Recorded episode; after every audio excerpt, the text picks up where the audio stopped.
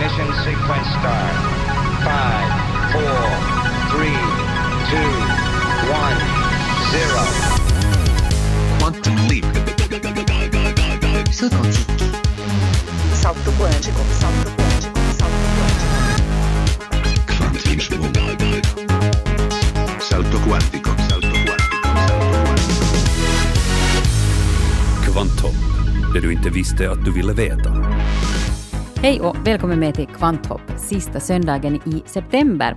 Ännu inte tid att ställa om klockan, det är först om en månad, men kanske att ställa om kroppen lite sådär för vintertid eller åtminstone höst och plocka fram kanske en lite så här tjockare jacka.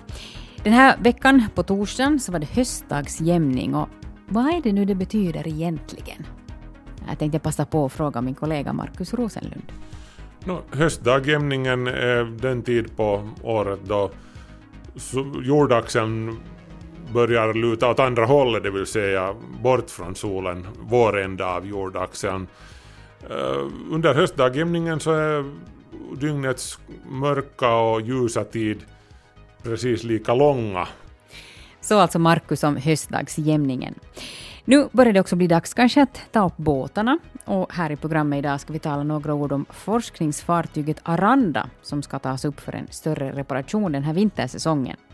Aranda har varit med sedan 1989, byggdes i tiderna på Wärtsiläs varv i Helsingfors och brukar om somrarna kryssa fram och tillbaka i Östersjön. Ledande forskare vid Finlands miljöcentral, Kai Myrberg, han har varit med sedan början och kommer att räkna upp för oss några av de viktigaste milstolparna i Arandas historia. Första är naturligtvis det att, att Aranda var där i Antarktis, Antarktisresan 89-90. Ett djur som har sett mycket under sina dagar är trögdjuret med en historia på 600 miljoner år. Det här är ett djur som man kan stampa på, frysa ner, koka och bestråla med radioaktivitet. Och det kommer ändå att stiga upp, borsta av sig och visslande gå vidare.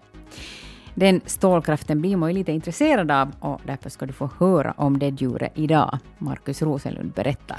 Jobbar du som astronaut så kan du till och med ta med honom till rymdstationen och lämna honom utanför dörren i två veckor i rymdens vakuum. Han överlever det också. Det har testats.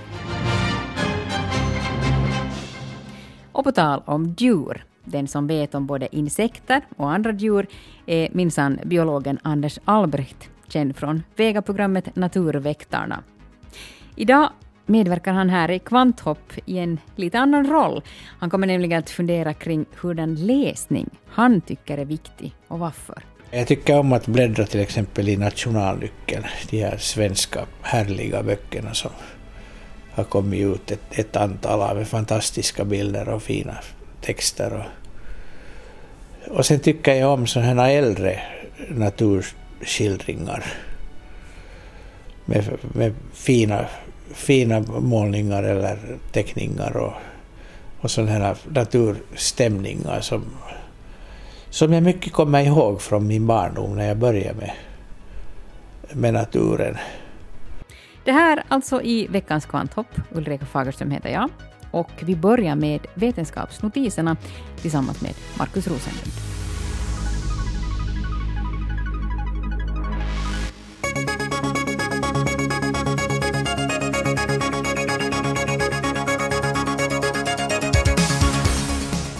Ett av förra veckans samtalsämnen på teknikfronten var ju att finländska säkerhetsexperter rekommenderade att man förvarar sina bilnycklar i kylskåpet. För att bilnycklar är ju elektroniska numera och tjuvar kan använda dem till att stjäla din bil genom att förstärka signalen från dem och på det viset få bilen att tro att någon står bredvid bilen med nycklarna i fickan. Men om nycklarna är i kylskåpet, som fungerar som en Faradays bur, så kan tjuvarna inte snappa upp signalen från nycklarna. Fast säkrast vore väl att förvara hela bilen i kylskåpet. BBC berättar nämligen att ett kinesiskt IT-säkerhetsföretag har lyckats hacka in sig i en Tesla-bil, ni vet Tesla, de här elbilarna, på nästan 20 kilometers avstånd. Bland annat lyckades hackarna manipulera Tesla Model S-bilens bromssystem under körning. Företaget lade upp en video på sin webbplats där de också visar hur de slår på vindrutetorkarna, justerar backspeglarna och öppnar bagageluckan. Allting på avstånd med hjälp av en vanlig laptopdator. Innan företaget som heter Keen Security Lab offentliggjorde den här storyn så informerade de Tesla som nu säger att de har täppt till säkerhetsläckan. Visste ni att ingen har utvecklat någon ny handgranat på 40 år? Jag vet, är det inte hemskt? Eh, nå, men nu har USAs försvarsmakt hur som helst en sådan på gång. Och enligt tidens melodi så är det en smart handgranat med elektronisk tändhatt. Granaten kan programmeras till att fungera antingen som en splitter eller som en tryckvågsgranat. Användaren kan också ställa in nedräkningens längd, alltså hur länge det tar innan den smäller. Som kortast kan tiden vara några millisekunder, fast vem vill ha en så kort tid? Inte hinner man kasta den värst långt på den tiden. Eh, nå, som kompensation så lär granaten vara helt idiotsäker i bemärkelsen att den inte kan explodera i misstag om den inte är armerad. Nu finns det en webbplats där du kan följa med alla asteroider som passerar jorden. Daily Minor Planet heter sajten. Det är en anspelning på tidningen Daily Planet där Stålmannens alter ego Clark Kent jobbar i det civila. Det är Harvard Smithsonian Center for Astrophysics som driver den här sajten. Eh, Matt Holman som jobbar för sajten säger att största delen av människorna fattar inte det här, hur ofta sådana här nära ögat förbiflygningar äger rum. Eh, till exempel så passerade en asteroid på mellan 20 och 40 meters genomskärning jorden på tisdag morgon. Det här kan vi läsa om på Daily Minor Planet. Eh, men, fortsätter Holman, vi vill upplysa folk så att de vet var de kan göra en faktakoll nästa gång någon skandaltidning börjar skrämma upp folk med jätterubriker om en nära förestående asteroidkrock. Tycker du om att ta långa eftermiddagslurar? Då kan du vara i riskzonen för diabetes typ 2 enligt en ny japansk studie. Mer än 300 000 människor omfattades av den här observationella studien som visar att folk med odiagnostiserad diabetes typ 2 ofta känner sig särskilt trötta under dagen. Samma orsaker som får en att känna sig trött dagtid, bland annat förhöjda blodsockernivåer, innebär också en förhöjd risk att insjukna i diabetes typ 2, säger Navid Sattar från Glasgow-universitetet, en av forskarna bakom studien. Märk väl förresten att riskerna bara gäller dem som tar tupplurar på en timme eller mer. Korta tupplurar associeras inte med diabetesrisk och är helt normala och bra för hälsan.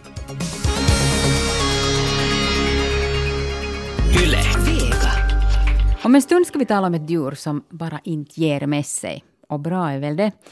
Men du kan faktiskt frysa det, koka det och bestråla det med radioaktivitet och det kommer inte att ta skada. Den här tuffingen får du höra mer om om en stund här i Kvanthopp i Yle Vega.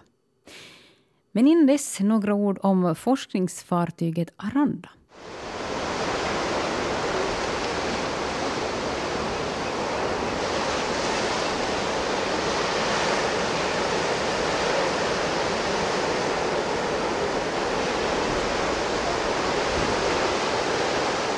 Aranda brukar sommartid åka runt på Östersjön och ta prover ur havet.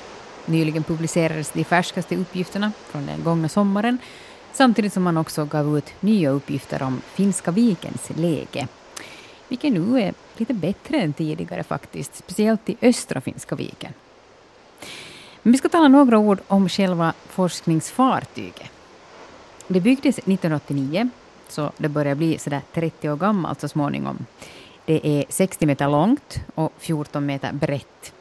Det har en maxhastighet på 10,5 knop och plats för 25 forskare och ytterligare 12-13 personer i besättningen.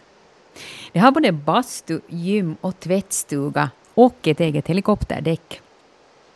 Den ombordvarande väderleksstationen mäter bland annat vindhastighet, vindriktning, lufttryck, luftfuktighet, temperatur, solstrålning och havsvattnets temperatur. Kai Myrberg, ledande forskare på Finlands miljöcentral, vars fartyg Aranda alltså är, han har varit med sedan början och jag bad honom att räkna upp tre milstolpar i fartygets historia. Eh, första är naturligtvis det att, att Aranda var där i Antarktis, Antarktisresan 89-90. Och det andra kan vara det här internationella samarbetet, det här Sveriges meteorologiska och hydrologiska institutionen SMHI brukar nu hyra ut Aranda varje år ungefär 90 dagar och det är mycket bra därför då får man mer sådana, som man säger Aranda-dagar, att Aranda är verkligen ute på sjöss. Och den tredje är det att det kommer nu en stor renovering av Aranda nästa år så vi har gått eh, extra pengar för att renovera Aranda helt och hållet så att det skulle så funka bra upp till året 230 eller något sånt. 2030, ja, Ja. det är liksom lång tid det då. Det är lång tid och eftersom det får man se om man behöver då forskningsfartyg eller finns det olika nya metoder att, att, att forska Östersjön så det vet man inte. Den tekniska utvecklingen är så snabbt att då får man inte, vet man inte vad som kommer att hända. Mm, sant. Så alltså Kai Myrberg på Finlands miljöcentral om viktiga milstolpar i forskningsfartyget Arandas historia. Och Myrberg nämnde ju att Aranda var på Antarktisfärder i slutet av 80-talet. Och här kan jag nu tillägga att eh, fartygets motorer kan driva framåt Aranda genom en halv meter tjock is. Yle Vega. Nu byter vi helt ämne. Storleken avgör inte alltid. Djurvärldens värsta hårding är mindre än ett risgryn. Markus Roselund berättar mera om trögkryparen, det tuffaste djuret på jorden, vars hemligheter forskarna nu är på spåren. Vilket djur är tuffast av alla? Vem är det som blir kvarstående sista av alla djuren i det stora djurslagsmålet? Vargen kanske? Nä. Lejonet? Eh, inte en chans. Den tasmanska djävulen då? Tja, eh, nä, nä. Det hårdaste, segaste och överlägset tuffaste av alla levande varelser är trögkryparen. Eller björndjuret, på latin tardigrada. Har du hört om dem? Om inte så lyssna nu. För de kommer att ta över den här planeten sen när det bara är radioaktiv aska kvar av oss. Trögkrypare är väldigt, väldigt små djur, maximalt en millimeter långa, men låt inte storleken bedra dig. De bor huvudsakligen i vatten, men också på land, till exempel i mossa. De har åtta knubbiga ben med klor i ändarna och de ser ut lite som små tjocka björnar. Eh, därav smeknamnet björndjur. Eh, Trögkryparen är e helt bokstavligt nästan omöjlig att ta livet av. De räknas till de så kallade extremofilerna som formligen njuter av att ta stryk. Och då talar vi inte om mjäkigt stryk som piskor och handklovar. Nej, de här små krypen kan du till exempel frysa ner till temperaturer som är bara snäppet ovanför den absoluta nollpunkten. Din frysbox där hemma är ingenting för dem. I motsats till din hund så kan du lämna ditt trögdjur ensamt hemma utan vatten medan du seglar jorden runt i 10 år eller så, eller 30 år. Eh, ingen orsak att vara orolig. Han är fullständigt okej när du kommer hem igen. Lämna honom i frysen om du så vill. Inget problem för den här lilla typen. Jobbar du som astronaut så kan du till och med ta med honom till rymdstationen och lämna honom utanför dörren i två veckor i rymdens vakuum. Han överlever det också. Det har testats. Självklart så kan du också koka ditt björndjur, du kan bombardera det med brutal gammastrålning, du kan hoppa jämfota på det. Den lilla parveln bara borstar av sig dammet och undrar att vad det är det bästa du kan prestera, hej kom igen nu. Eh, Nå, det här är ingenting nytt direkt, men det som är nytt är nu att japanska forskare har avslöjat hemligheten bakom trögkryparens tuffhet. I en färsk studie som publiceras i Nature Communications tar genetikern Takekatsu Kunieda och hans kollegor en titt på den allra tuffaste av de olika arterna av trögkrypare, Ramazottius variornatus, och sätter fingret på mekanismerna som tillåter den att överleva saker som ingen annan klarar av. Det här inkluderar en antioxidant, enzym och ett unikt protein som skyddar dess DNA från strålskador och hjälper skadat DNA att reparera sig självt. Och det verkligt intressanta här är att forskarna också ympade in det här proteinet i mänskliga celler som hade odlats för ändamålet. Och tada! Också de här cellerna fick samma förmåga att skydda sig som trögkryparna har. Och det här öppnar ju spännande nya dörrar till all världens potentiella medicinska tillämpningar inom genterapin. Vad då säger ni? Betyder inte det här att man kan skapa till exempel astronauter som inte behöver rymddräkt på jobbet och andra mer eller mindre odödliga människor? Uh, Nej. Eller tja, no, i princip så kunde man avla fram en människa som har dubbelt så stor motståndskraft mot joniserande strålning som röntgen till exempel. Det här skulle ju onekligen vara nyttigt för de första kolonisterna på Mars eller på andra framtida rymdkolonier. Men det skulle kräva att vi utför aktiv genmanipulering och därtill hörande experiment på riktiga människor och det finns all världens etiska och moraliska orsaker till varför det här är en riktigt dålig idé, tro mig. Men som sagt, det ger en mängd nya knep för läkekonsten att jobba med och lånta gener från trögkrypare kan bidra till vår överlevnad på andra smarta sätt också. Det är ju nämligen så att framtiden här på jorden hotar att bli rätt så brutal. Den globala uppvärmningen med allt längre och svårare perioder av hetta och torka gör livet surt för alla, inte bara för oss. Våra odlingsväxter och djuren som vi använder till föda får det också mycket jobbigare. Och det är där som trögkryparens superproteiner kan komma att visa sig särdeles nyttiga.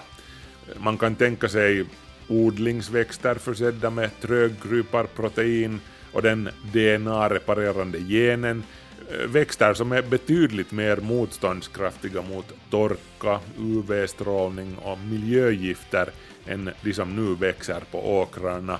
Och samma gäller djuren vars kött och mjölk vi lever på. Eh, för att ta ett exempel, tänk dig en genetiskt förbättrad fiskart med tröggrupar-DNA som galant klarar av det alltmer försurade och förorenade havet. Jaha, men hur ska vi då koka fisksoppa om fisken glatt simmar omkring i grytan efter en halvtimmes kokande? Vet ni, vi får bara lov att återkomma till det problemet i sinom tid, om och när det blir aktuellt. Det var Markus Rosenlund som funderade på superdjuret trögkrypare. Det här är Yle Vega. Du vet Naturväktarna i Yle Vega. Programmet som man kan kontakta för att ställa frågor om djur och natur. Anders Albrecht är en av experterna som har suttit med där i många år. Idag är han med här i Kvanthopp. Han är nämligen en av de personer som är med i vår serie där personer med anknytning till vetenskap och teknik får fundera på hurdan läsning de behöver och mår bra av. Mycket har det handlat om sånt som man de facto redan läser men vissa funderingar blir det också om vad man kanske tycker att man skulle må bra av och mer borde läsa av. Och som kanske av någon anledning har fallit bort. Länkar till läsning som nämns i intervjuerna hittar du i en serie artiklar på svenska.yle.fi vetenskap. Men nu förflyttar vi oss till Naturhistoriska centralmuseet.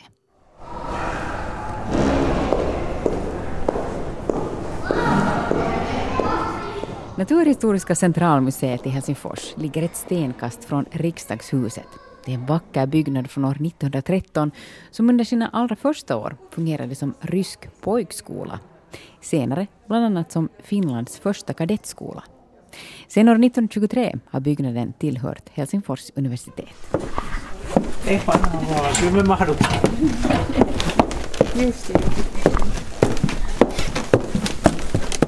Tillsammans med Anders Albrecht så tar jag mig genom museets bibliotek där ENU-personalen just håller på att ordna böcker uppe på en hög stege.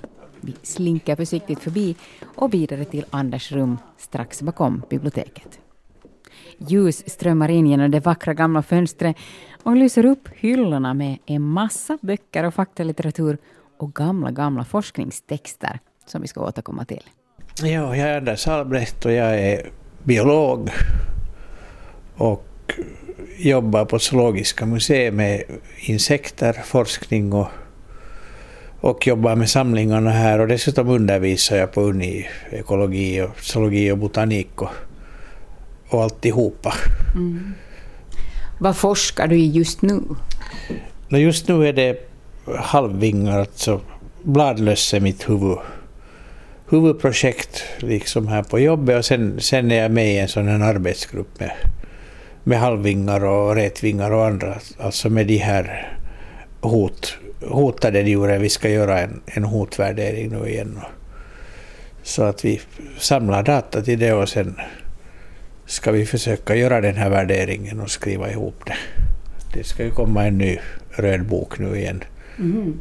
Alltså du, insekter som är utrotningshotade? Ja. Mm. Finns det några exempel? Kan man säga någon namn på någon?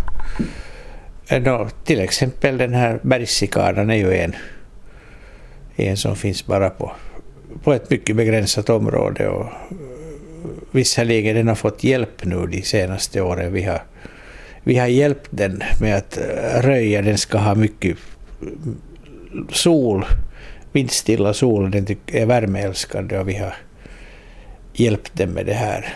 Var då? I, i Pujo har vi det huvud, huvudsakliga område i Åminnefors, men det finns i omgivningen av Lojo sjö och Bojo, Ingårdsjunde och mm.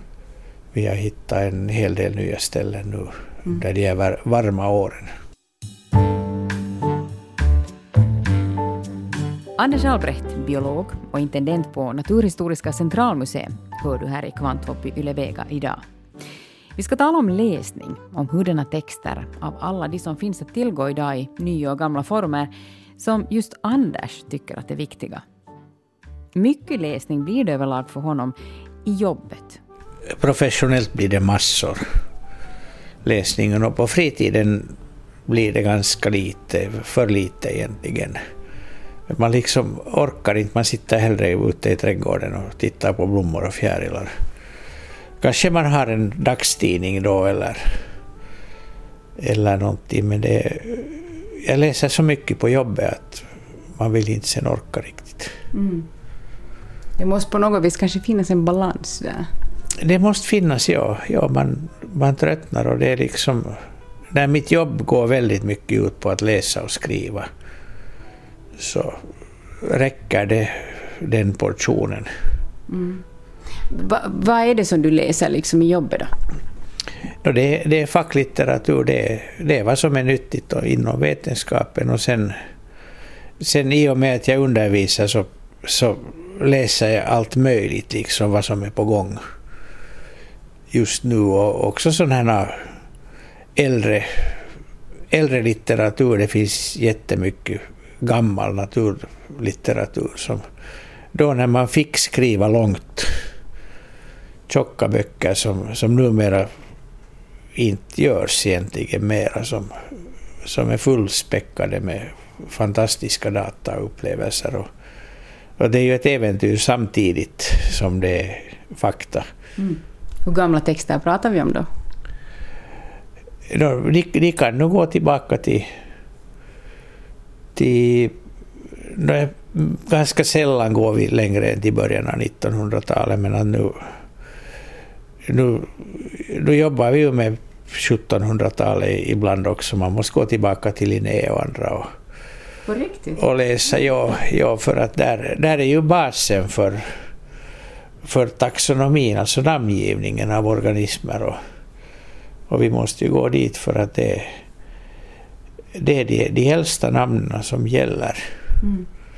Och där måste vi se och försöka reda ut att vad, till exempel vad Linné menar med, med någonting. Och där är ju en massa detektivarbete. Och det mesta är gjort men det dyker upp ändå alltid ibland. Och Mm.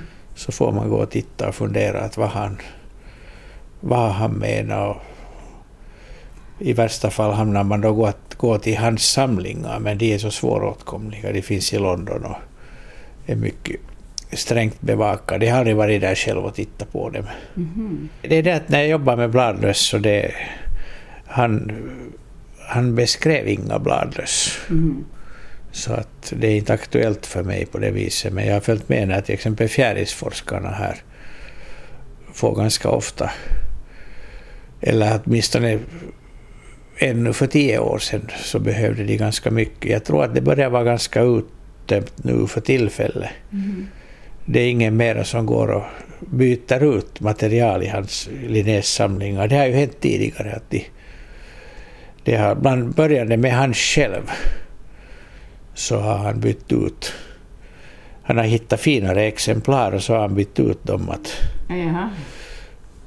att, eh, till exempel häggspinnmalen heter ju Hyponomelta evonymellus. För att den art han menar, så det var en som, som lever på evonymus, alltså benved.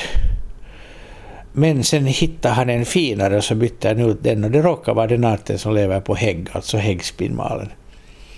Mhm. Och den blev då typexemplar för, den, för det namnet. Mhm. Så att nu, nu är det helt, helt råddigt med de här vi- vissa arter som har liksom bytt identitet och de namnen ger då en fel hänvisning till till exempel till näringsväxter som i det här fallet. Mhm. Så, och allt går tillbaka till 1700-talet liksom då? No, det, det går dit, i- ja men det kan, det kan vara betydligt nyare också. Som, men att, nu minns jag inte exakt när de här nomenklaturreglerna, de internationella, men de är ju ganska färska. Mm. Så att före dem kunde det gå ganska vilt till. Alla, någon tyckte att nej, jag ger ett bättre namn åt det här och så bytte de ut. Och, så det första man fick börja med var ju att besluta att det måste vara det äldsta som gäller. Om det är liksom om det är okej om man vet vad det betyder. För annars kan ju vem som helst ändra någonting. Om det, om det är det nyaste, nyaste som gäller så då, då blir det ju kaos. Mm.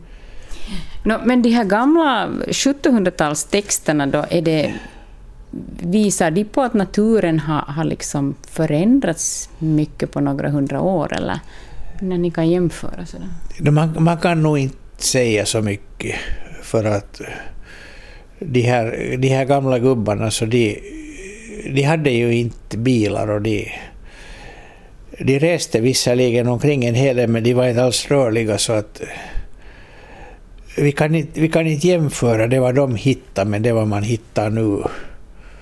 Så att eh, det kan vi nog inte säga om.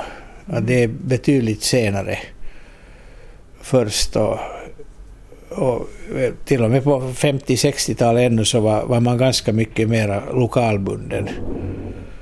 Att det är ju först nu som man börjar resa omkring riktigt ordentligt. Mm. Så att de här gamla datorna, de, de är väldigt begränsade liksom, så det geografiskt? De är, de är begränsade, ja. Att, att vi hade ju en hel del forskare, insektforskare, Lindbergarna bland annat, som, som hade sommarresidens i Lojo. Och det mesta material de har så är från Lojo, som ju är ett rikt område, men att det är svårt att jämföra med något annat sen för att de hade inte, alltså de, de cyklade och de rodde. Så att de, det var några kilometer och några tiotal kilometer. Mm. Och sen kunde de göra någon längre exkursion någonstans. Men, mm. men att vi kan inte, det data säger inte så mycket åt oss. Och det är så länge sedan dessutom att det är inte aktuellt. Vi har betydligt nyare. Att till exempel halvvingarna om man jämför med en, en katalog som gjordes 83 tror jag, i alla fall på 80-talet. Så sen dess har det kommit närmare 300 arter till. Och en stor del av de arterna vet vi att, att de har faktiskt kommit nu. Vi vet att vi har inte missat dem. Mm -hmm. Så vad betyder det? Det betyder att de har brett ut sig norrut. En del har kommit österifrån och andra från sydväst, mest är det österifrån. Och de har, de har erövrat ofta hälften av Finland. Och de kommit sådana sydliga arter som har kommit upp så att det har blivit varmare och bättre klimat. De klarar sig. Mm. Och vad kommer det här i förlängningen att betyda? Medföra att när det kommer nya insekter?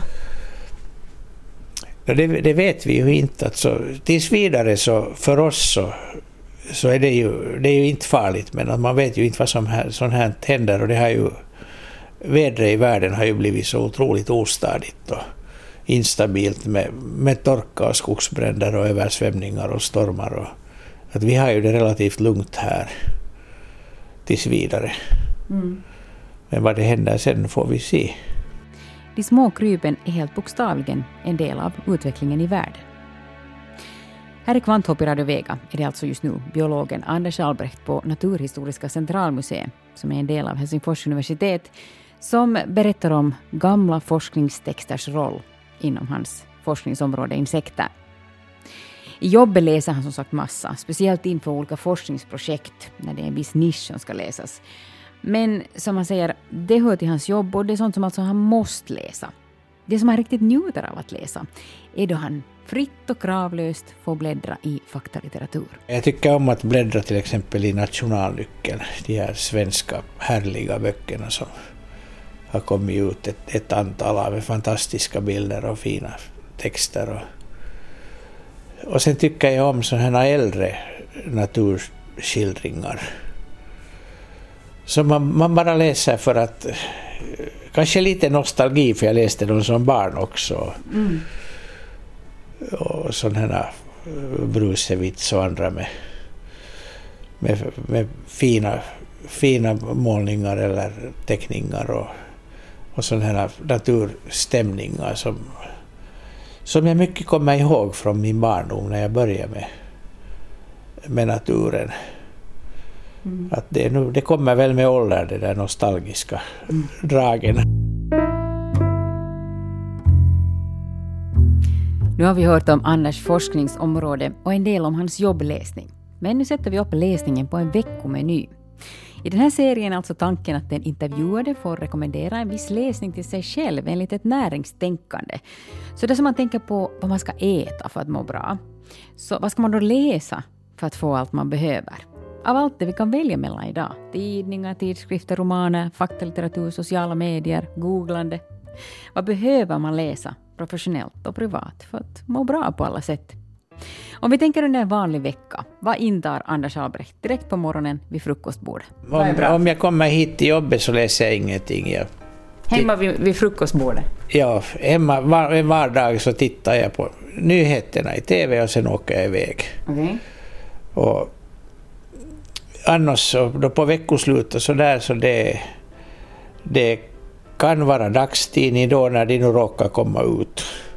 Det är ju inte alltid de kommer nu för tiden mera.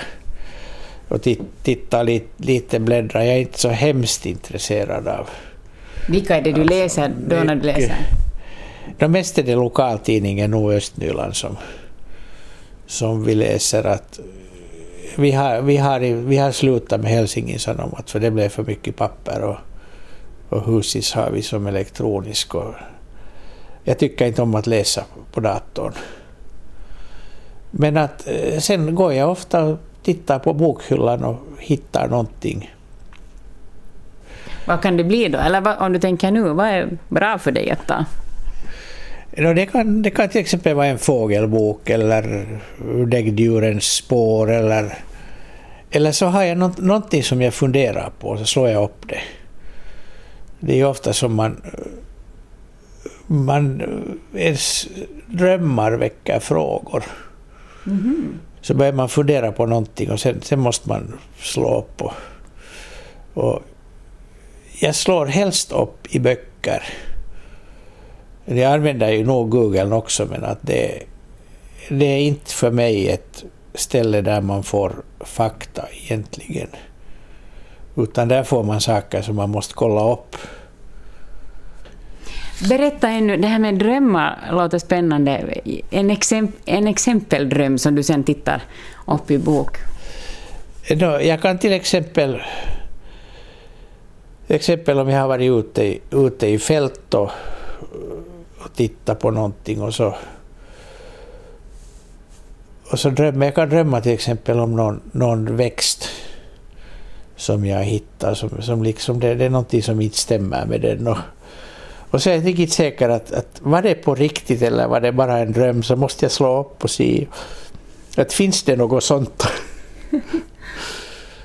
Ibland finns det, ibland har jag liksom hittat på det i drömmen. Och, men det kan vara så verkligt att jag har svårt att, att säga vad det är. Och sen tycker jag nog om, om viss, viss skönlitteratur också, men det blir ganska sällan som, som jag nu för tiden läser det. Att förr så, det blev nog ganska samma sak. Klassiker mest och lite deckare och Tove Jansson har nog alltid varit min favorit. Jaha. Vilka böcker då till exempel?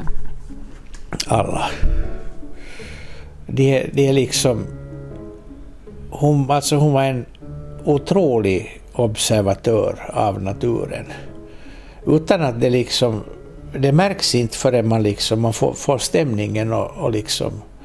Hon, hon flyttar en till de här platserna fast det är en värld bland Mumintroll och, och sånt som inte finns på riktigt. Så det finns ändå på riktigt det där att man, man känner att, att hon var nog också på de här ställena i tankarna och det var liksom bekanta saker som, som jag också liksom upplever att, att det och sen förstås hennes otroliga sätt att skriva. Jag lever mig in i det jättestarkt.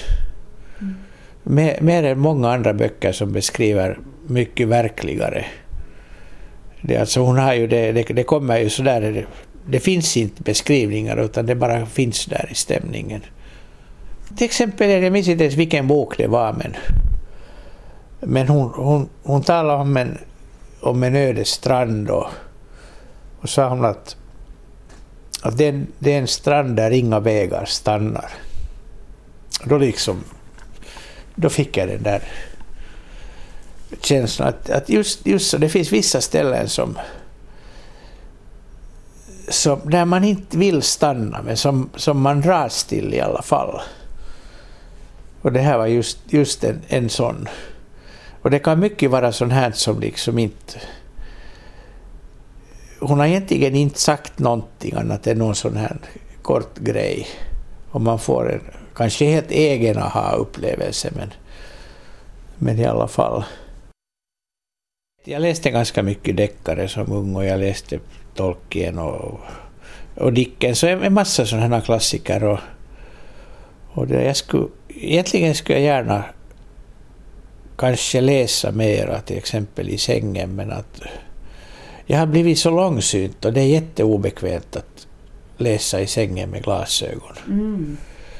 Så att jag borde egentligen sitta vid ett bord med bra belysning och, och så det har inte blivit av. När vi talar om Anders dagstid så är det alltså då texter som stöder forskningen och undervisningen på universitetet som han så gott som uteslutande läser.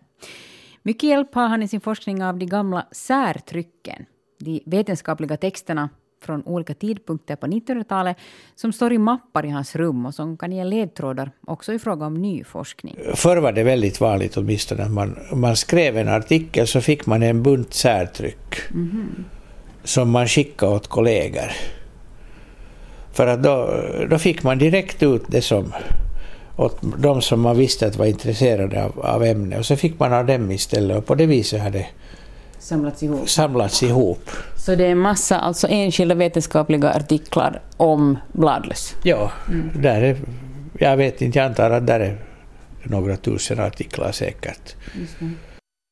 Här måste jag, det, det jag håller på att skriva, som, jag har nu måste jag kolla upp den här saken och, och så funderar jag att vem kan nu ha skrivit och så tittar jag här på hyllan att, att har, jag, har jag särtryck av det och att jag vet ju att att till exempel Carter och Danielsson de har skrivit om, om poppelbladlöss och sånt där. Då tittar jag först hos dem. Att har de den här saken? Och sen tittar jag i deras litteraturförteckning. Att finns där någon som jag kan söka upp? Och, och har jag inte separat så går jag på nätet och tittar att finns det att få? Mycket finns ju att få på nätet direkt. Och sen till sist så går jag då till bibliotekarien. För att man får ju kopior men de kostar massor. Och vi har, vi har inte så mycket pengar här på museet. Och gällande nätet så är det till hjälp också i form av olika databaser, till exempel gällande bladlöss. Men de fysiska handböckerna som Anders har på hyllan är också väldigt viktiga. Speciellt då folk ringer och frågar om hans expertområden växter, svampar och insekter. Anders har otaliga hyllmetrar handböcker och rekommenderar ingen viss, utan tycker man behöver faktiskt många. Detsamma brukar han säga då människor i allmänhet frågar om svampböcker, att hurdan svampbok behöver man? Jag säger köp alla bara. Då är ju nätet bra, där har man ganska många. Eller det beror på. Om man hittar böcker, ja men jag, jag skulle säga att, eh, att bestämma svampar med nätet, det är okej, men äter man dem så då tar man nog enorma risker. För där på svampsidan finns det nog så mycket smörja på nätet, för det är så massa människor som som inte vet så mycket och, och som så gärna fotar och sätter ut på nätet och, och sen eh, vet, vet någon på Facebook och skriver kan det vara det här? Och då får man den kopplingen och så söker man bilder och så. Så det, det är farligt. Precis som böcker, om man har för få böcker så att det inte finns alla arter med. Och det är som nätet aldrig kan, kan berätta att vad är alternativen? Man får en, jo det här liknar, men man vet inte att finns det någon dubbelgångare och, och det här. Och det där är ju någonting som man lär sig småningom med åren, men att om man börjar äta de svamparna så lär man ju sig ganska kvickt vad man inte kunde ta. En sak som Anders önskar att han kunde läsa bättre än idag är sina egna anteckningar. När han har varit ute i naturen och gjort observationer av olika slag så har han ofta då rafsat ner någonting han senare kan ha stora problem med att själv tyda. När man är ute och och har brott så blir det lite slarvigt och så tycker man nu kommer jag ihåg det där och så. och det, jag, I princip kan jag det där att jag inte jag inte antar att nu kommer jag ihåg men att sen märker man att ja, nu har jag igen förkortat lämnat bort slutet och tänkt att nu minns jag i alla fall och sen minns man inte. Och Man måste göra jättenoga anteckningar nog. Ja, det är inte så lätt när man ligger i gräset kanske med en fuktig penna och fuktigt Ja, papper. då det, är just, det är just det det är ofta vått och, och sådär. Och sen, jag har börjat göra så att när jag, när jag gör anteckningar Så det är ju ofta foton med och, och prover och sådär. Så jag fotograferar också genast den här anteckningen. Så att jag har den, då kommer den på rätt ställe i förhållande till de här växterna eller djuren jag försöker, eller biotoperna jag fotar. Och Mm då att man inte blandar ihop den saken. Just det. Ja, det är ju ganska behändigt. Och regnar papperna bort så finns de åtminstone som bild. Och på tal om att finnas på bild. Alla som intervjuas i den här serien så ritar till sist upp en kostpyramid för sin läsning. Och Anders Albrechts egendesignade hittar du på bild på svenska.yle.fi vetenskap. Där hittar du också en artikel med bilder på Anders i Naturhistoriska centralmuseet med länkar till sån läsning som Anders har nämnt här, samt länkar till tidigare intervjuer i serien, det vill säga med astronomen Thomas Hackman, medeltidsforskaren Thomas Heikkilä och akademisekreterare Åsa Lindberg vid Svenska Tekniska Vetenskapsakademin i Finland. Djur och natur genomsyrar alltså det mesta i Anders Albrechts liv och läsning. Men ibland tar han upp något riktigt lättsamt, inspirerad av yngre generationer. Nu det händer att jag tar en Kalle Anka någon gång och läser. Och till och med Bamse kan jag ibland... Vi har ju läst för, för barnbarnen ganska mycket. Och, och det där. Och, jag skulle kunna till och med ta en, en trevlig barnbok och, och läsa den. Och som Anders sa tidigare så står egentliga skönlitterära verk för hans del ofta kvar på hyllan just nu, i motsats till hur det var när han var ung. Men om några år kanske det ändrar igen. Jag blir ju småningom pensionerad. Så att sen, sen kanske... Att då, då byter jag ut det mesta av det här forskandet. Jag kommer lite att fortsätta men i alla fall, jag gör det inte på heltid mera. Och då har jag nog tänkt att då ska jag sitta i, i trädgården med en bra bok och läsa.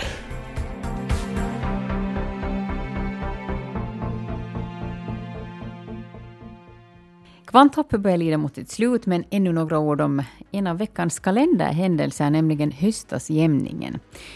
Vi ger kanske ganska mycket uppmärksamhet till sommarsolståndet, då dagen är som längst i samband med midsommaren. Och vintersolstånden, då natten är som längst i samband med Lucia.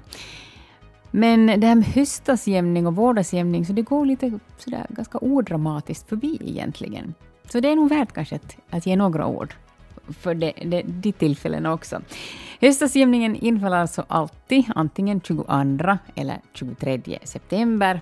Och grejen är ju då alltså att dagen och natten är ungefär lika långa.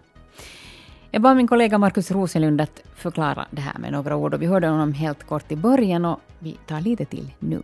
Det här är inte en hel dag vi talar om. Nu infaller det ju nu på torsdag. Torsdagen är dagen för höstdagjämningen men, men i praktiken så infaller det på en specifik stund, just liksom en, en specifik sekund då när solskivans mittpunkt går över himmelsekvatorn söderut, vet du. Eller norrut sen på våren när vi har vår dagjämning. Och, och då är så dygnets ljusa tid precis lika lång på hela jorden. Så att, men, men sen börjar den bli kortare och kortare här hos oss och, och det där. Tre månader kommer den ännu att bli kortare innan, innan det igen vänder sen där vid vintersolståndet. Så att, så att vi, har, vi har den där långa jobbiga mörka tiden att se fram emot här nu. Men, men bara tre månader kvar, sen vänder det. Tänk nu. Det sa Markus Rosenlund. Jag heter Ulrika Fagerström. Tackar för sällskapet. Titta gärna in på svenska.yle.fi vetenskap.